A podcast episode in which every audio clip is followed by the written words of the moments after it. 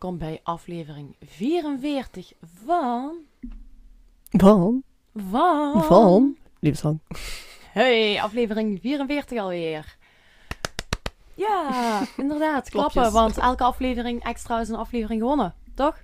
Ehm, ja, Ik denk het wel. dat kan. Ja. Ja. Ehm, op onze vorige aflevering hebben we heel veel positieve reacties gekregen. Dat ik u ook nog niet verteld, want Nee. ik hou de socials in de gaten. Maar ik heb toch wel eh, daaruit opgemaakt dat mensen eh, wel vaker eens van dat soort verhalen willen, waar ook wat paranormaals Ah, in dat. zit. Dus als er luisteraars zijn die ook nog verzoekjes hebben voor zo'n soort zaken, er moet wel een kern van waarheid, van waar gebeurde feiten in zitten. Dat is de enige Regel. soort van Ja, voorwaarde hier voorwaarde, ja. voor true crime. Laat het ons dan zeker ook allemaal even weten. Ja. Goed.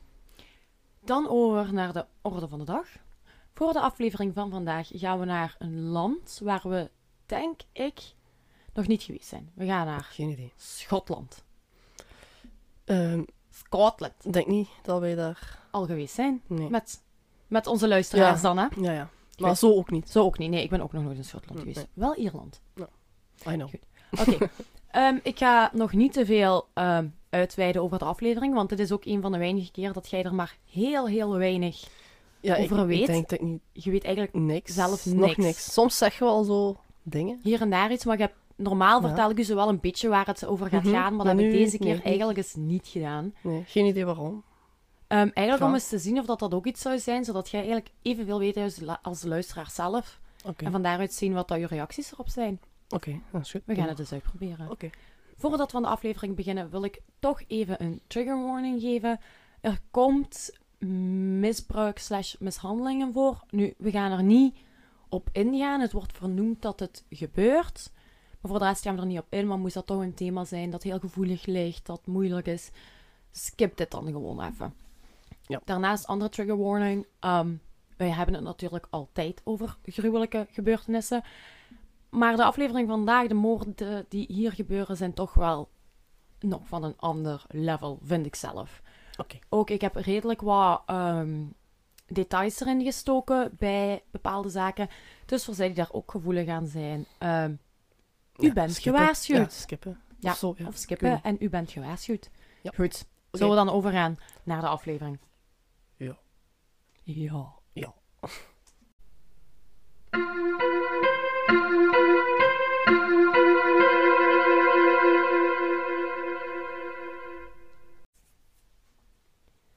Zoals ik in de intro al vertelde, gaan we vandaag dus voor het verhaal naar Schotland. Mhm. En meer bepaald naar Glasgow. Hè, een stad in Schotland. is de hoofd... Is dat niet Edinburgh? Is dat niet Edinburgh? Eh, Wacht. Ehm, we zoeken het later op. we zoeken het later op, maar volgens mij is Edinburgh de hoofdstad. We zullen het nog zo extra ehm, vermelden in onze stories of zo. Oké, Oké, ik ga het even snel opzoeken. ja, we Schotland. moeten het toch weten. Hoofdstad van Schotland. Ja, kijk eens even. En wat zei jij? Wat was dat? Edinburgh, denk ik. En ik zei... Ja, jij zei... Nee, Glasgow. Jij zei Glasgow. Ehm, hoofdstad Schotland. Oh ja, Edinburgh. Edinburgh. Ja. Inderdaad. Voilà. Dus Oké. nee, we zitten wel in een andere grote stad van Schotland, maar dus niet in de hoofdstad. En in Glasgow gaan we meer bepaald naar de wijk Crosshill toe.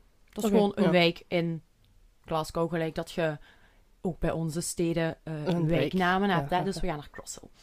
En meer bepaald naar het jaar 2004. Oké. 19 jaar geleden. Nee, ja. En we gaan het hebben over de toen 37-jarige vrouw genaamd Edith McCallenden. McClinden. Kijk, Ja, ehm, ja. Even, dat had ik misschien ook moet zeggen. Mijn Schotse uitspraken zijn niet fantastisch. Ze zijn net zo goed als uw Chinese. Ze zijn net zo goed als mijn Chinese en Japanse uitspraken en mijn Indische uitspraken en ehm, heel slecht is. Ehm, dus volgens mij is het McCallenden, maar we noemen haar voor het gemak gewoon Edith. Ah, ik dacht Mackie of zo. Ah ja, Edith. Oké, We hebben ja. Edith. Oké. Edith, die, we weten eigenlijk niet heel veel over haar verleden. Het enige wat we wel weten is dat ze geen makkelijke jeugd gehad heeft. Waarbij dat ze eigenlijk door haar ouders verwaarloosd werd en misbruikt slash mishandeld. Mhm. En daardoor belandde ze uiteindelijk ook op straat, omdat ze ja, thuis niet Ja, ja. meer aankomt. Thuis was weggelopen en ze belandt Op straat. op straat. Ja, inderdaad. Het gaat van kwaad tot erger en Edith die raakt verslaafd aan de alcohol. En om dit te financieren steelt ze regelmatig en stapt ze ook het sekswerk in. En dit gaat Ja. eigenlijk jarenlang door. Zij zwerft eigenlijk jarenlang rond door de straten van Glasgow. En men zei ook dat je maar beter geen ruzie met haar kon maken, want ze had nogal een temperament. Mhm. En als voorbeeld daarvan ehm, heb ik gevonden dat ze regelmatig uit cafés werd geschopt omwille van vechtpartijen die ze Oh. veroorzaakte. Dus het was geen katje. Zo ene, ja. Ja, ja. geen katje Ja, zo ene. Zo, Wat bedoel je met zo een? Ja, nee, maar... Ja, dat... Ja, je hoort wel vaker dat zo... Iemand die, Dan zo ruzie gaat maken in inderdaad, die is verslaafd, Ah, ja, die heeft ja, het moeilijk. Het is En, misschien slecht om te zeggen, maar goed. Ja. Maar ik weet wel wat je ermee Maar het komt wel meer voor. Ja, inderdaad, dat is waar. En ook het gerecht wist van haar bestaan af, omdat ze al meerdere keren in de cel belandde voor diefstal en sekswerk. Mhm. In die zin weet, heb ik eigenlijk niet opgezocht, had ik misschien moeten doen. Ehm, weet ik niet of in 2004 sekswerk verboden was in Schotland. Ja, maar ja, als ze ervoor wordt kan, opgepakt, maar misschien de illegale vorm ervan, uzelf, ja, Ah, zo, ja, zo. ja. Dus niet dat je daar ook nog eens belasting op betaalt. Ja, waarschijnlijk niet. Nee, Ja, nee. ik denk het niet. Dus in dat opzicht eh, is ze daar dus ook voor in de gevangenis beland. Mhm. En op het moment bij ons in 2004 heeft ze ook een 16-17-jarige zoon, de bronnen verschillen wat, Mhm. genaamd John McCallanan. Met wie dat ze eigenlijk samenwoont in een, woonde op dat moment in een soort van dakloze centrum. Ja, die had Mhm. dus ook, ja, die had ondertussen wel een kind, die had geen huis, niks. Die, Mhm. die leefde echt dus nog eigenlijk Op, op straat. En ja, haar zoon dus Ja, ook. ook. ook, ja. Het patroon van haar jeugd herhaalt zich ook en Edith kijkt niet echt om naar haar zoon en mishandelt slash misbruikt hem ook regelmatig in dat dakloze, Mhm. alleen in dat opvangcentrum. John die ging van pleegzorg Mhm. terug naar de opvang, terug naar pleegz- pleegzorg en zo de hele tijd heen en weer. Hij wisselde eigenlijk haast net zo vaak als dat, als dat Edith zijn mama dan in de gevangenis belandde. Want als zij in de gevangenis belandde, hij moest hij naar pleegzorg. Als hij eruit kwam, kwam hij weer terug in het dak. En zo ging dat de hele tijd. Ja. En ondanks alles was John wel heel trouw aan zijn mama en hij deed alles wat ze hem vroeg. Want voor hem was het uiteindelijk toch, ja, dat is het enige wat zij... zijn ja, enigste... Ja, het Ja. is ook... Je hebt maar Ze hebben elkaar. mama. Ze hebben elkaar Ze alleen. hebben elkaar. Dus hij, Ja, ja. hij doet eigenlijk alles wat dat zij vraagt. En het was alles behalve een helende en gezonde omgeving voor de twee. Maar goed, dit was hun leven op het moment in 2004. We kunnen ons er wel wat bij voorstellen, denk ik. Niet zo een heel stabiele Nee. omgeving of stabiele factoren. Voor ons verhaal specifiek gaan we naar 16 oktober 2004. En Edith stapt de gevangenis buiten op die dag nadat ze negen maanden had vastgezeten voor een serieus misdrijf. Mhm. Wat dat serieus misdrijf inhoudt, dat, heb ik nergens Nee, kunnen vinden. Maar het zal iets met waarschijnlijk stelen Ja. of geweld of sekswerk te maken hebben. Iets van ja. die toestanden waar ze eigenlijk regelmatig Ja, in, de, in de cel belanden. En eenmaal buiten spreekt ze eigenlijk af met haar 42-jarige vriend genaamd David Gillespie. Oké. Ja, she has a boyfriend. Ze spreken af en ze drinken eigenlijk doorheen de dag al redelijk wat alcohol samen, want ook Mhm. Ja, hij ja, is, verslaafd, behoorlijk ja. verslaafd. Ja. En ze besluiten op een bepaald moment om naar een appartement te gaan op Dixon Avenue. Mhm. Nu, hier moet ik even een soort disclaimer geven. De bronnen verschillen redelijk fel van elkaar, waardoor dat er eigenlijk twee scenario's mogelijk zijn. Een aantal bronnen zeggen dat David in de appartement woonde op Dixon Mhm. Avenue, samen met een huisgenoot. Dat, dat was dan zijn woonplaats. Andere bronnen die beweren dan weer dat David bevriend was met de Ja. bewoner van dat Ja, ehm, appartement. appartement Ja, en dat ze eh, uitgenodigd waren om nog wat meer te komen drinken. Oké. Anyway, eh, Ja. ze belanden uiteindelijk in het appartement van de huurder. En dat was de 71-jarige Tony Coyle. Een man die recent op pensioen was gegaan en zijn tijd vulde door klusjes op te knappen voor oudere mensen. Helemaal gratis. Dan Ja. denk ik een 71-jarige die nog Ja. klusjes... Chapeau. En gratis. Chap- Ja, inderdaad. En ik denk niet... En, Pensioen? I, I don't know. Ja, ik Ja, niet. maakt niet uit. De verhuurder was de 67-jarige Ian Mitchell, die goed bevriend was met Tony. Die kenden elkaar al jaren en van Mhm. daaruit verhuurde hij dat eigenlijk aan zijn Ja. beste vriend. Nu, Edith en David, die, wo- die belanden dus in het appartement. En Ja, ik weet ja. of hij daar woonde of dat ze uitgenodigd werden. Mhm. Samen met Tony en Ian. Mhm. Ook hier niet 100% zeker of Tony daar al, ten alle tijde bij was. Wat we wel zeker weten is dat Ian met hen Ja. zat te drinken. Dus de, Oké. dus de 67-jarige verhuurder. Ja. Die zat met hun sowieso samen te Oké. drinken. Hè, ze kletsen daar wat, ze drinken rustig nog wat verder en zo. Mhm. Maar ergens op de avond ontstaat er een discussie tussen Edith en David. En niemand weet eigenlijk precies waar die discussie over ging. Maar het mondt uiteindelijk al heel snel uit in een echte ruzie. Oei. Ja. En op een bepaald moment, tijdens die discussie, het is trouwens al vrij laat s'avonds, dat wil ik er wel even bij zeggen, Ja. ondertussen al s'avonds laat.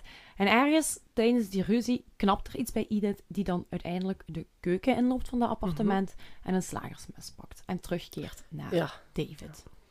En ik denk dat we nu allemaal al kunnen raden waar we heen gaan. Also, dit ja. verhaal gaat dus heel snel van 0 naar 100, hè? Want we zitten nu al Ja, blijkbaar bij in de keuken. we zitten nu al bij 100. Oké. Ja. Zij loopt dus met dat slagersmes de keuken uit richting David en ze begint hem te steken in zijn beide dijen slash bovenbenen. Ook zo gericht op je bovenbenen. Gericht op de bovenbenen, meerdere keren. Hè? Dus ze steekt en steekt. Maar op de bovenbenen. Dat is in de zo- bovenbenen, Ja, ja. ja. Gek. Ah, ja. Ja, ik weet Ja. niet. Ja, gek. Ja, ze begint alleszins daar op hem Ja. in te steken en uiteindelijk raakt ze, of beter gezegd snijdt ze, een heel belangrijke ader door in zijn dijbeen. Oh ja, en dan het dan. Ja, David die schreeuwde het uit van de pijn, Mhm, Ja, terwijl dat het mes nog altijd in zijn dij stak. Hè? Dus dat mes bleef bleef hangen. uiteindelijk hangen, waarna dat hij uiteindelijk vrij snel leegbloedde en stierf. Waar zeg? Ja. Dus die discussie mondt uit in een moord. Ja, ja. ja. Op een heel korte, hele korte tijd. Mhm. Oh ja, Ian, die daarbij zat te drinken, die zag Mhm. dat trouwens allemaal gebeuren. Oké. Ja, hij was zo net de getuige geweest van een moord. Ja, waar zeg? En hier wederom bronnen verschillen of Tony op dat moment ook in dezelfde ruimte is als hen. Dat weten we niet Mhm. zeker, maar Ian, dat weten Ja, we. ja, Ian is in die ruimte. Ja. David ligt daar eh, dood te bloeden op Mhm. de grond, slash hij is dood. Ian heeft dat gezien en Edith die begint gewoon los te panikeren. En die heeft zoiets van, shit, ja. Ander ja, woord. ander woord kiezen, ja. Die is zoiets van, shit, hè, Ja. als ze dit ontdekken, ik ga weer al de cellen moeten gaan. Ik wil dat niet. Zij wou ten alle kosten vermijden dat ze terug de gevangenis in moest gaan. Want ze was letterlijk maar een paar uur geleden daarvoor ehm, vrijgelaten uit de gevangenis. Ja, ook nog eens. Mhm. Ze belde wanhopig haar zoon op, John. Hè, in plaats van een, een ambulance of zo te bellen, Ja, ja, eh, ja. besluit ze om haar zoon op te bellen. Om haar te komen helpen met de situatie tussen Ja, Tussen opruimen. Ja, ja. Ja, tussen aanhalingstekens, inderdaad. John weet verdomders goed waar zijn moeder tot in staat is. En samen met zijn 16-jarige beste vriend Jamie Gray Mhm. stapt hij een taxi in op weg naar het appartement. Ja. Ja. Dus we hebben redelijk wat personages. Hè? We, hebben Mhm. de, we hebben de Eh. twee bewoners van het huis. Ja. We hebben David, de, beste, de, de vriend. We hebben Mhm. Edith en dan hebben we haar zoon en diens Die beste vriend, vriend, ja. Jamie. Dat zijn alle personages die je eigenlijk allemaal moet proberen te onthouden. Oké. Goed.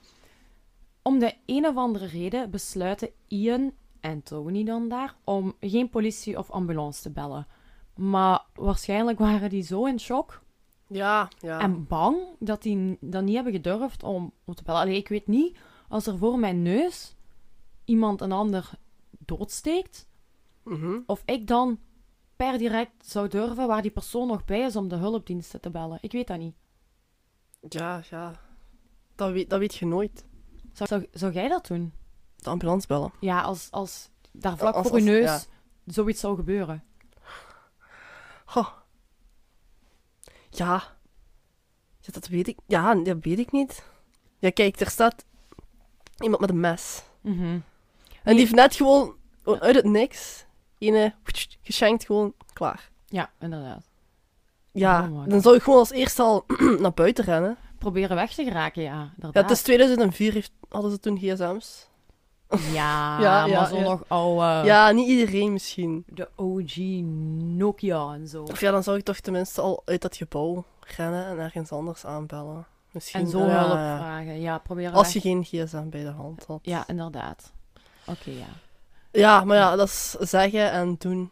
Ja, maar dat zou de logischste, in mijn ogen toch, Ja, dat je eerst jezelf in veiligheid gaat brengen en dan ja, gaat bij de Ja, buren ja, ja. aanbellen en vragen of zij de ambulance buren, ik zou gewoon uit dat gebouw Ja, rennen. gewoon uit dat gebouw. Want het is, Dat op, zijn niet ja, want het is op een appartement en ah, Ja. even nog misschien details. Ze zit op het bovenste, Ja, voilà, dus met- Verdiep. Ja, naar onder rennen. dus Dus, ja, naar ja, onder ja. rennen. Inderdaad. Nu, die, zij, Ian en Tony, als Tony daarbij was, die besluiten dus niet om een ambulance te bellen. En een andere mogelijke eh, reden daarvoor zou kunnen zijn omdat ze dachten dat John en Jamie kwamen om hulp te bieden uiteindelijk aan David, hè, in, plaats Mhm. van, Ja, ja. in plaats van iets anders. En het was uiteindelijk al ver na middernacht, wanneer dat Mhm. de twee tieners, hè, vergeet u niet, Ja, 16 ja, ja. en Het is 17, nog minderjarig, ja. minderjarig, twee tieners bij de flat aankomen. Die komt eraan. Ja. En Ian die betaalt zelfs nog de taxi Mhm, voor de twee ja. jongens, wat er verder op zou wijzen dat Ian de twee echt wel vertrouwde en dacht dat zij kwamen Mhm. helpen. En wie weet konden ze ook gewoon helpen. Ja, maar anders. Ja, ja. oké. Ja. Maar, hier komt hem al. John en James hadden een duffelbag mee. Ja, dat is zo'n grote, Opbergzak. ta- ja, zo'n grote ophefzak eigenlijk, waar je van alles, ja, waar heel veel in past. Kun je zo Mhm. een duffelbag, noem dat gewoon. En in die duffelbag zaten verschillende soorten wapens. Oh.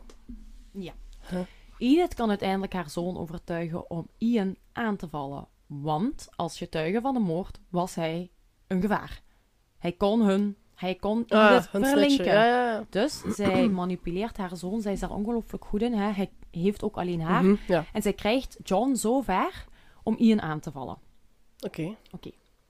Eenmaal aangekomen in de flat steekt John Ian neer. En die eerste, die eerste steek bl- blijkt eigenlijk al meteen fataal te zijn. Ehm, nu komt even een iets gedetailleerdere beschrijving van wat er nog gebeurt. Mhm, dus, eh. John trapte daarnaast ook nog meermaals op het hoofd van Ian, sloeg hem met een stuk metaal, hij sloeg hem ook met messen en hij sloeg hem uiteindelijk ook met een honkbalknuppel, volledig tot moes. Fel. Hierdoor kreeg Ian zware bloedingen in zijn hersenen en al snel lag hij eh, dus Ja, naast ja. David te sterven op de grond. En niet veel Mhm. later ja, overlijdt ook Ian. Nu staat het dodental al op Twee. twee. Ja. Op een fractie van pakt een uur of twee.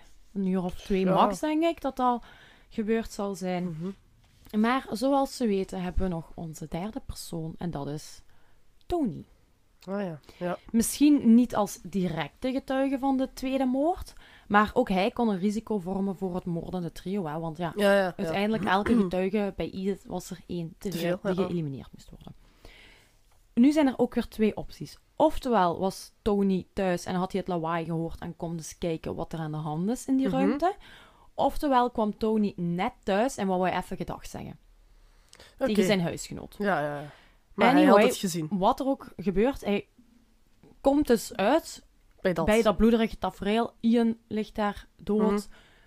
David ligt daar dood. Er is trouwens enorm veel bloed overal. Want Ja, ja, ja. die hebben die ja, Ja, zitten rondslaan. helemaal zitten rondslaan. Ja. En hij zag dat bloederige tafereel en hij rende direct weg en hij sloot zichzelf eigenlijk op in zijn eigen slaapkamer. Ja. Met de hoop of de gedachte waarschijnlijk dat David en Edith Ja. en die geen ehm, sleutel hadden om daar binnen te kunnen in zijn kamer. Dus hij sluit zich op in zijn Mhm. slaapkamer. Hij besluit Ja, ja. niet om naar buiten te rennen of... Ik weet... Maar ja, hoe zou Ja, ook ja. zijn? Je weet het eigenlijk niet hoe reageert. Maar goed, hij besluit dus, de 71-jarige Tony, om naar zijn slaapkamer te rennen. Deur op slot en klaar. Hij was nu de enige, ja, indirecte getuige van twee Mhm. moorden. En ook dat liet het trio niet zomaar gebeuren. John en Jamie gingen rustig op zoek naar een boor. In Ian's toolbox, hè, zo'n gereedschapskoffer. Ja. Die gaan op zoek naar een boor. En wat doen Mhm. ze? Ze vinden dat en ze verwijderen simpelweg het slot. Ja, ja. Ze boren het er gewoon uit. Ja, Ja. dat kan.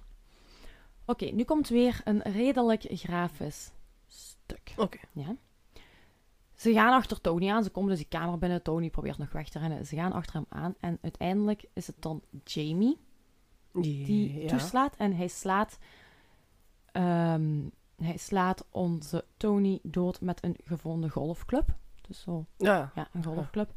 En hij slaat hem dan ook nog met een mes. Met een fles bedoel ik. Met een fles. En met een riem. Oké. Andere wapens die ook nog gebruikt waren bij hem zijn onder andere een bijl, Mhm. hamer en stukken hout. Waar ze mee hebben liggen kloppen Ja. Tony. En Tony werd zo hard geslagen dat zijn lichaam eerder tot moes was geslagen, waardoor het zelfs moeilijk was om hem nog te herkennen. Ja. Heftig. Mhm. Dat is...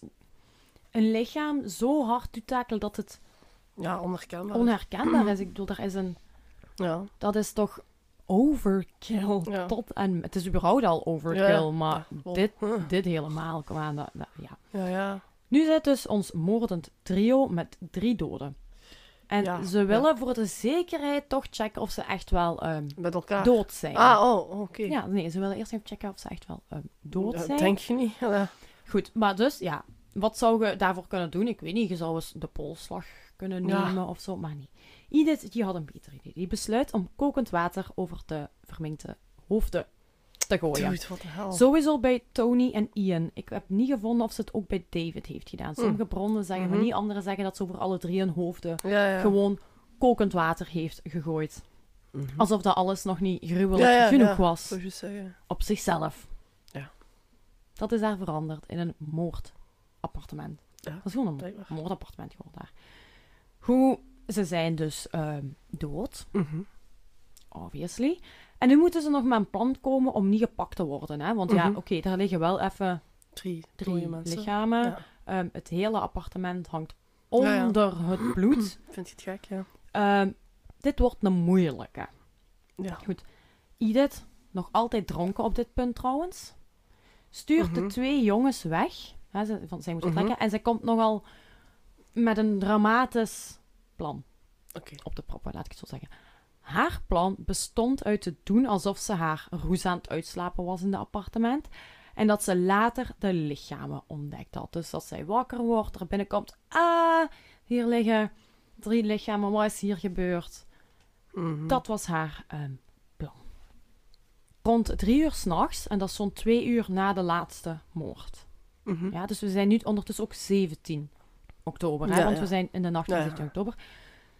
Besluit Edith om naar de woning van Ian's buren te gaan. En meer bepaald naar het huis, of ja, het huis slash appartement, ik weet Ja, het niet, van James Sweeney.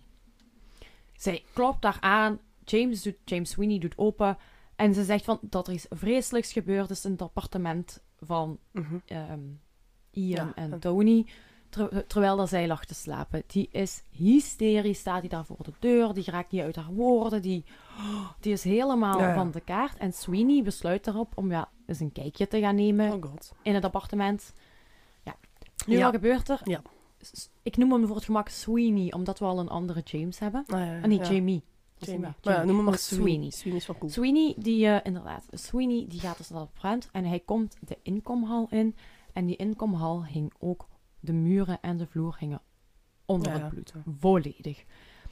Ja, Sweeney ziet dat, die beseft ook Ja. van, hier is iets vreselijks Mhm. gebeurd. En zonder eigenlijk verder te lopen, hij durft niet Ja, verder het appartement in te gaan, besluit hij om de politie te bellen. ja.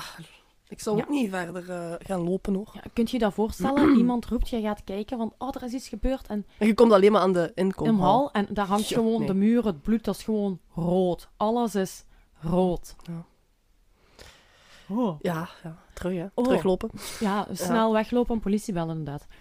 Ja. Goed, later zal Sweeney aan de pers vertellen hoeveel bloed dat er eigenlijk aanwezig was in die Mhm. inkomhal, wat het uiteindelijk het huis de bijnaam The House of Blood opleverde. Ja, het bloedhuis eigenlijk, hè. En daarom ook dat deze aflevering The House of Blood moorden Mhm. wordt genoemd. De politie en de paramedici die komen aan en die treffen dus de drie lichamen aan op een nogal, wat zij beschrijven, ongewone manier.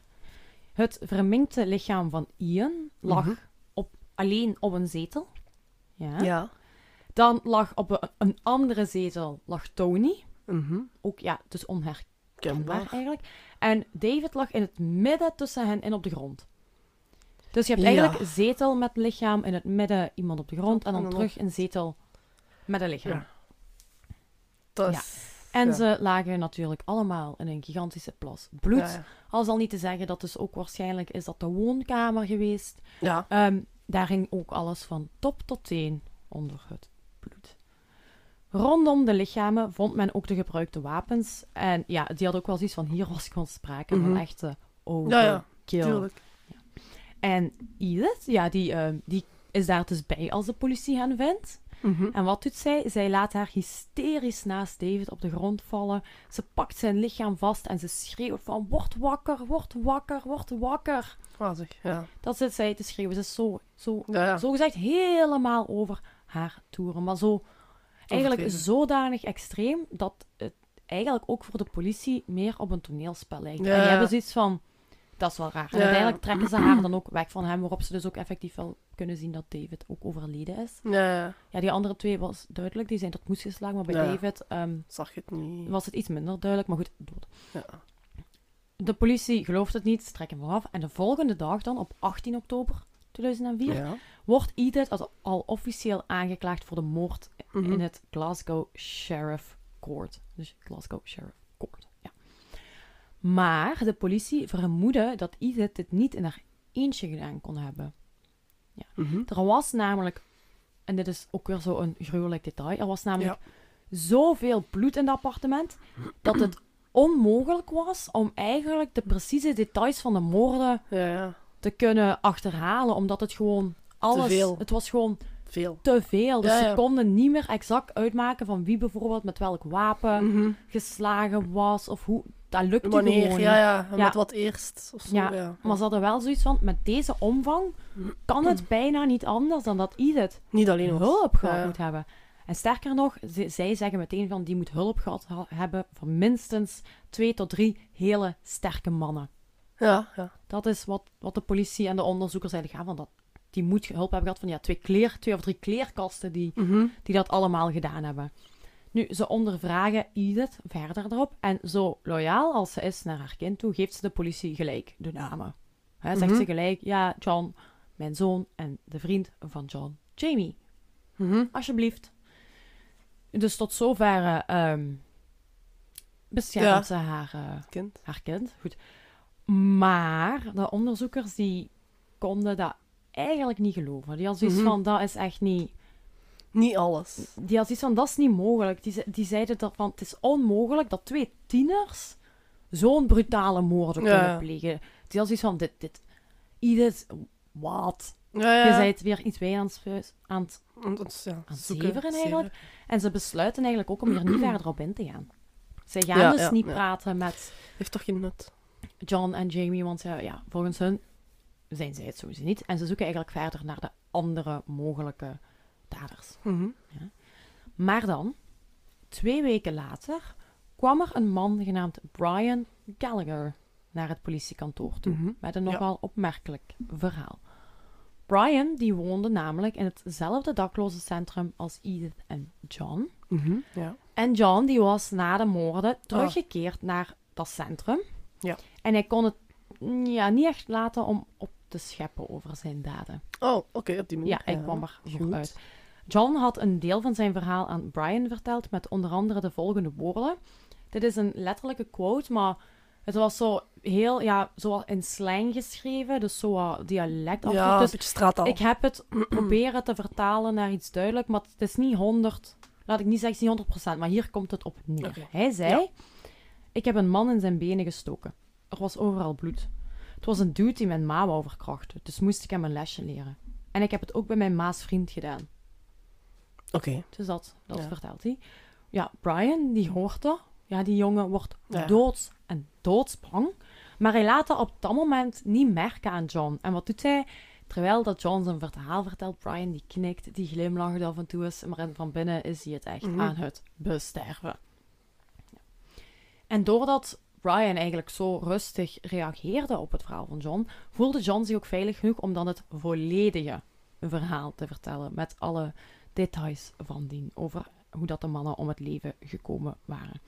En John die vertelde ook nog aan Brian dat hij hulp had gekregen van zijn broeder, tussen Mhm. aanhalingstekens, niemand minder dan Jamie Gray. Want Ja, ja. Brian die moest zelfs de naam niet weten, die wist heel goed wie dat er bedoeld werd met ehm, zijn broeder ja. eigenlijk.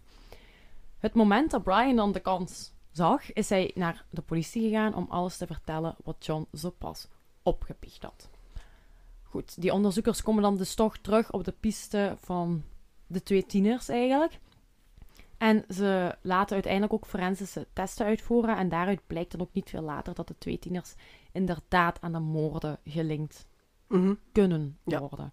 En enkele dagen later worden ze allebei gearresteerd en aangeklaagd voor moord.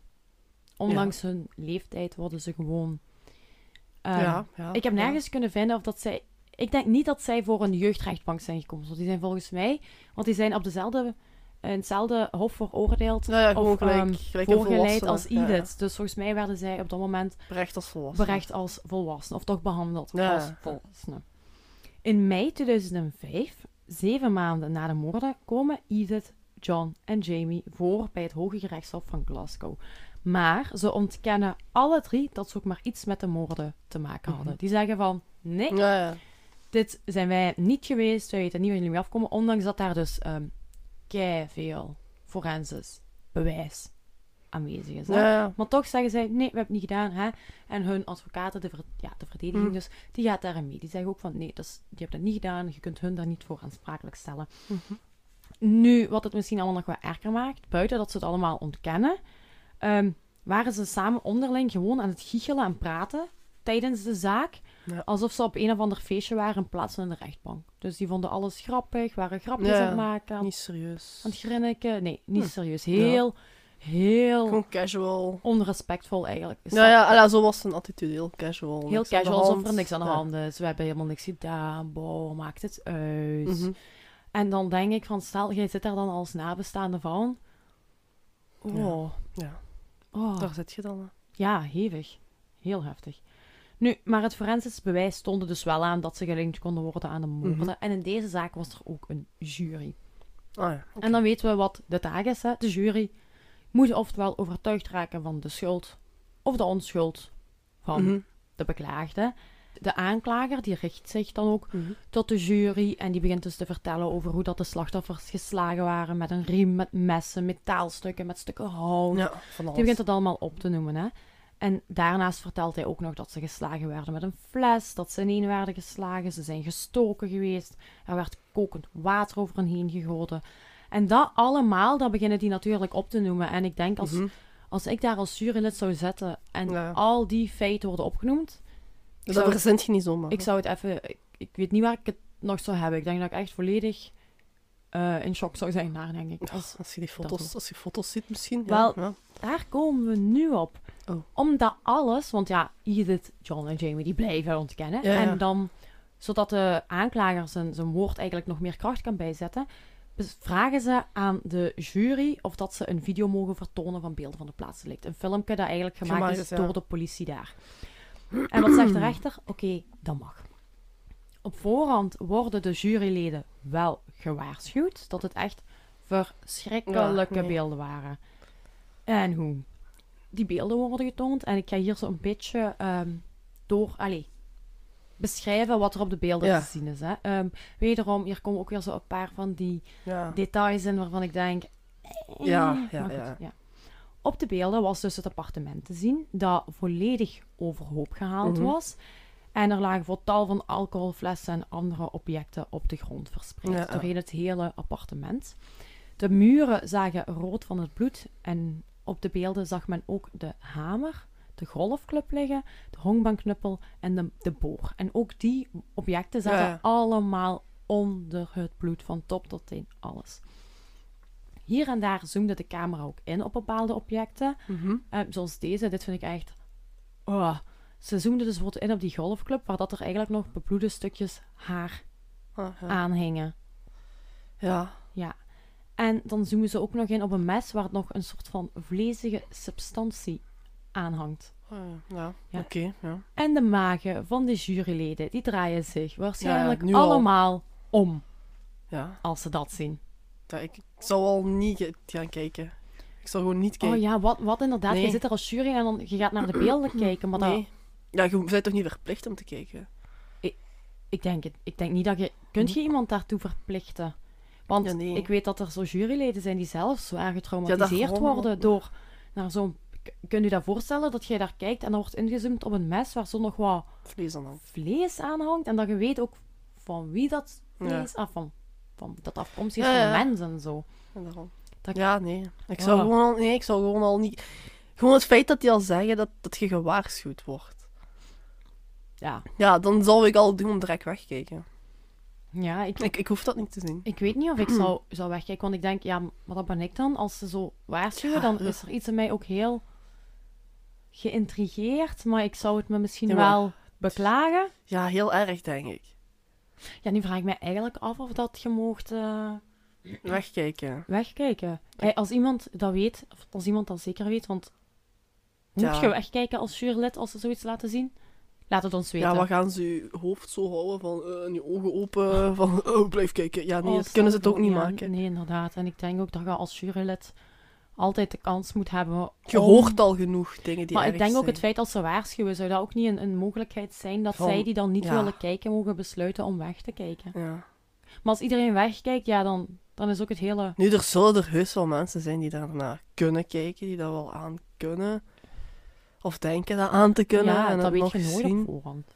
Maar ja, ik denk dat, ik denk dat het al ja, dingen genoeg is dat je er al moet zitten. Als jurylid. Dat je daar moet doorstaan en dat allemaal al horen van iedereen. Mhm. Ja, ik bedoel... Ja, je kunt de mensen niet dwingen om te kijken. hè. Nee. Dus, Maar, maar goed. oh, maar goed, hè, die beelden worden getoond. En het is eigenlijk voor iedereen super duidelijk dat, dat hier wel effectief de drie, de drie daders zitten die het Mhm. gedaan hebben.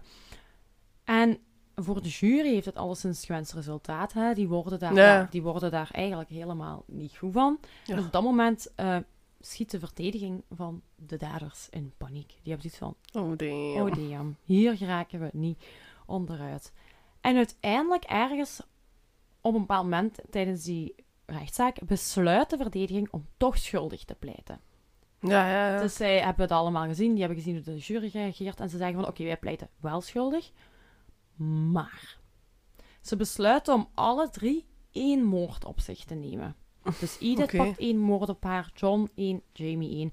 Om zo toch een lagere straf Ja, te krijgen dan als je- je veroordeeld Voor wordt. alle drie, hè. voor alle drie, ja. Edith Ja, ja, die ja. be- besluit dan uiteindelijk schuldig te pleiten voor de moord op David, haar vriend. John die, die bes- eh, pleit schuldig voor de moord op Ian. En James, Jamie, Jamie, Mhm. Jamie, die pleit schuldig voor de moord op Tony. Ja. Zo dus. Nu, toch veranderde het alsnog eigenlijk niks aan het feit dat daar een ware moordorgie Ja, ja. was Ja, gepleegd. Eigenlijk, waarbij dat drie onschuldige mannen het leven hadden gelaten. Ja. Ja. Ah, en dan zo, alle drie voor één moord. Ja, oké, doe maar. Nee, goed. Er waren dus uiteindelijk drie moorden gepleegd zonder echt motief. En hierdoor, ah ja, en hiervoor ja, moesten ze echt wel Ja. gestraft worden gewoon. Dat was gewoon... En ik bedoel, een discussie of ruzie is geen motief. En dan de andere twee dood omdat ze getuigen zijn van, ja, is dat een motief? Op hun, op dat moment misschien. Voor hun misschien Voor hun wel. maar je Maar eigenlijk niet. Als je logisch redeneert, nee. Maar ik vind überhaupt, er is geen één moord waarvoor, Ja, nee, een, motief, tuurlijk, tuurlijk. Hallo, ja. waarvoor een motief zo groot kan zijn dat je het kunt... Ja, ja. Maar dat die dan zo ineens schuldig pleit in allemaal één moord, dan weet je toch dat er meer aan de hand is. Dan kun je dat toch niet ontkennen. Ja, Ja, dan, kun je, dan kun je dat toch moeilijk doorzien als rechter, als jury. Ja, ik bedoel, Niet, allee, ja. inderdaad, ik heb dan ook zoiets van... Gaan ze ze dan toch met drie... Toch voor de drie moorden doen? Of inderdaad, geraken ze weg met, iedereen. met ieder ene? Want nu hebben ze schuldig gepleit aan ieder ene. Toch, ja. En? en? En, en hoe komt het dan dat jij die hebt vermoord? Dat, dat, dat doesn't make sense, snap ja. Ja, helemaal niet. Maar ook, hè, dat is bij hem zij het geluk dat die crime scene zodanig Ja, bebloed was, Dat ze ook kunnen- niet, niet echt konden vaststellen van wie, Wie heeft wat. wie vermoord. Met hoe. En, ja, met wat, hoe. En, ja, ja, ja. Inderdaad, dus, dus dat was dan... misschien een gel- geluk dat ze zo gruwelijk te werk zijn gegaan, ja, Ja. dat, het, dat het gewoon niet meer te overzien Ja, valt wie nu wat exact heeft gedaan. Ja. Goed. Op 29 juni 2005 wordt Edith uiteindelijk veroordeeld tot een levenslange gevangenisstraf voor de moord op David. Ja. Klinkt goed, hè? Pff, Maar. Levenslang. Maar, Maar, ja, Maar, ik was aan het wachten op de maar, ja. Maar ehm, dat levenslang is niet bepaald levenslang, want ehm, na 13 jaar maakt ze al kans op vervroegde vrijlating. Na 13 Kan. jaar. Laat dat even bezinken. nog 13 jaar. hè. 13 2005. dus Dan zou die misschien al vrij Dan kunnen zou die in 2018 ja. al vrij kunnen komen. Al had ja. al vrij kunnen komen. Maar dus, laat even inzinken. 13 jaar voor zo'n gruwelijke Ja. moorden. Ik kan er gewoon niet aan op. Maar is ze vrij? Daar komen we nog op. Oh, oké. Indien dat Edith schuldig zou zijn bevonden aan alle drie de moorden, Mhm. ehm, had ze een straf van minimum 14 jaar gekregen. Ah, Wat ja. bela- ja, voor één moord 13 jaar en als het voor drie Drie, moorden was, was er een minimumstraf Vier. 14 jaar geweest in plaats van 13. Wat gewoon belachelijk weinig Dat is heel laag, ja. Dat is toch, ja, ik, Gek. ik vind nu dat ze in België ook niet bepaald heel hoge straffen ehm, ja, daar. uitdelen. precies. Of toch misschien aan de, de hoge straffen zijn hier toch soms voor zaken waar je denkt, goh, moet dat nu zo hoog bestraft worden? Terwijl andere zaken Ja. zeer zwaar bestraft worden, ter- waarvan je dan denkt van, Nu moet ik weer Nee. denken aan een verhaal. Aan iets wat met de geitenkaasjes? Met de geitenkaasjes. Ja, oké, even tussendoor, kleine storytime. Mogen we dat vertellen hier? Ja. Ehm, wij hadden ergens een artikel gelezen dat een man drie geitenkaasjes had gestolen. En die had daarvoor vier, vier maanden voorwaardelijk en gekregen 400 euro en boete. 400 euro boete. En dan lees je een andere verhaal dat Waarbij iemand, dat iemand een een- ander een moeder een kind had misbruikt of, of zo... of mishandeld. En die kreeg 12 maanden voorwaardelijk en, En die- that's, that's it. Ja. Dus Dat, dat is is... een beetje Sorry, België. storytime like, tussendoor, maar kleine frustratie daar toch in. Dat is zo... Ah, Ja, Nee, hier ja. kan het ook. Goed. Hier is het zo ook. Maar goed, hè, 13 jaar minimum. En John en Jamie, die worden tot minimum 12 jaar veroordeeld. Ja, ja, Waarbij je je bijna kunt afvragen als het echt zo is dat Edith David heeft gestoken. Mhm. Alleen gestoken. Ja. Ja, maar dan kun je nog afvragen als John en Jamie inderdaad die andere twee zo tot moes hebben geslagen. Alles dan vind ik dat raar dat hun straf Lager. Lager ligt. Ik, dan had ik op zijn minst dezelfde straffen aan iedereen Mhm. gegeven als je er toch niet uit kunt. Maar misschien heeft dat met hun Leeftijd. leeftijd te maken. Ik denk maar het ook. ze worden alleszins wel gewoon berecht als zijnde een Een volwassen. Ja. Het is ook niet dat ze naar een of andere jeugddetentiecentrum Mhm. gaan of zo. Nee, die worden wel gewoon eh, naar de gevangenis gestuurd. De uitspraak zorgde niet geheel onlogisch voor heel veel tegenwind bij de nabestaanden, die niet konden begrijpen eigenlijk hoe zo'n lage straffen mogelijk zijn bij zo'n gruwelijke Ja, ja. moorden. Ja. Ik Mhm. deel die frustratie wel een beetje. Logisch. Goed. De drie toonden op het moment van de uitspraak ook geen enkele vorm van spijt of berouw. Want toen ze hun straffen hoorden, toen bleef die eigenlijk giechelen en onderling lachen alsof dat eigenlijk alles oké was. Ook toen ze werden weggeleid, Ja, ja. bleven die eigenlijk onnozel doen. En ja, ik zeg het wel, alsof ze net een onderrondje hadden, gezellig op een feestje. Ja, ja, ja, inderdaad. Die, da, ja, die vibe kreeg je. kreeg je gewoon. Goed, dat was toen. Nu gaan we naar het heden. Vandaag. Ja, ik heb niet meer heel veel over de drie Ja. kunnen vinden, maar hier en daar nog, ja, Wat dingetjes. nog wat dingetjes om het eh, Mhm. compleet te maken. Ook in de gevangenis bleef Edith blijkbaar opscheppen over de moorden, Mhm. wat dat haar eigenlijk niet in dank werd afgenomen door de medegevangenen. Hè? Uiteindelijk is zij ook apart genomen door medegevangenen die zeiden van als je hier niet mee gaat stoppen, maar wij rammen u Ja, gewoon in elkaar. Dus na die waarschuwing verandert Edith uiteindelijk dan toch van gedrag. En Ja. zoals het denk ik, nu, nu komt bij mij zo wat een orange is a new black moment, Ja. momentje binnen. Ze gaat verschillende relaties aan met andere vrouwelijke gevangenen. Oké. Waaronder dat ze blijkbaar een relatie had met een, een moordenares, een andere moordenares dan, want Mhm. zij zelf ook. En met een ehm, drugsdealer, dacht ik. Ja. Dat is ja. iets wat ik had gevonden. Goed. Dat weten we Ja. over Edith. Ja. Dat is dus in de gevangenis gebeurd. En dan. Begin 2016, dus nog voordat de straf was afgelopen, werd John vrijgelaten. Ah ja, oké. Want eigenlijk moest hij toch zeker tot 2017 zitten. Maar goed, begin 2016 wordt die jongen vrijgelaten.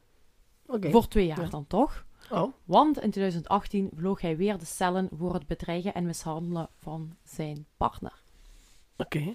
Nu staat die partner blijkbaar volledig achter hem en zegt ze dat dat niet waar is of zo. Maar goed, hij, hij is toch terug de cellen Ja, beland. De zuiver op de graad zal hem niet geweest zijn. zoals ik al zei, liepen de minimumstraffen af in 2017 en 2018. Ja. Maar hoe het met Jamie zit op dit moment, Edith, John, dat heb ik niet kunnen vinden. Ik weet niet of ze op dit moment Nog vastzitten, ja. alle drie nog vastzitten. Of dat er daar toch al voor Jamie van is vrijgelaten of Edith. Ik heb het alleszins nergens kunnen vinden. Ja, Het enige wat ik maar kan hopen is dat ze nog vastzitten. nog vastzitten. Ja, ja. Dat ze langer als die minimum zitten. Want dat, daar Ja. kan ik gewoon echt met mijn verstand niet bij. Maar ik denk, zo'n mensen, als die weten dat die vervroegd kunnen vrijkomen, dat die daar sowieso alles aan doen. Ja, toch zeker zo'n type, snap En, en zeker, maar ook geen berouw gewoon. Hè. Nu nogthans is een daarom. voorwaarde voor vervroegde vrijlating wel dat je een vorm van berouw en ehm, je eigen aandeel ja, ja. wel in ziet en weet wat je hebt fout gedaan. Maar hun als je in de gevangenis zit op te scheppen over je daden en je zit in de rechtszaal Ja, ja. waar dat je eigenlijk de nabestaanden oog in oog kunt kijken, zit je gewoon belachelijk te doen en eigenlijk Mhm. het allemaal nog wat erger te maken. Ja, dan hoop ik echt dat jij nog altijd vastzit en geen vervroegde vrijlating hebt gekregen. Ja, maar mensen kunnen ook heel hard faken, hè. Ja, en uiteindelijk weet ik ook misschien niet genoeg van het Schotse Ja, rechts, ja, hoe dat allemaal af werkt. om te weten hoe het daar zit. Maar laten we gewoon hopen Ja. dat ze nog vastzitten. Of weer al vastzitten. Of terug vastzitten. Ja. hè, dat John alleszins... Voor, iets minder... Ja, Ja, tussen aanhalingstekens minder. Maar misschien als ze dat dan kijken wat je al hebt gedaan en je zit vrijgekomen en je hebt dan, ik zeg maar, je voorwaarden geschonden of zo. Of je hebt weer iets hebt weer gesproken dat je misschien dan alsnog een Ja. straf krijgt, gewoon omwille van het verleden dat je al Dus dan. ehm, gedaan hebt. Maar dat weet ik natuurlijk niet. Nee. Maar goed, dat was dus het verhaal van de House of Blood Murders in Glasgow, Schotland. Goed. Wat vond je van het verhaal van vandaag? Ehm, wat vond ik van het verhaal?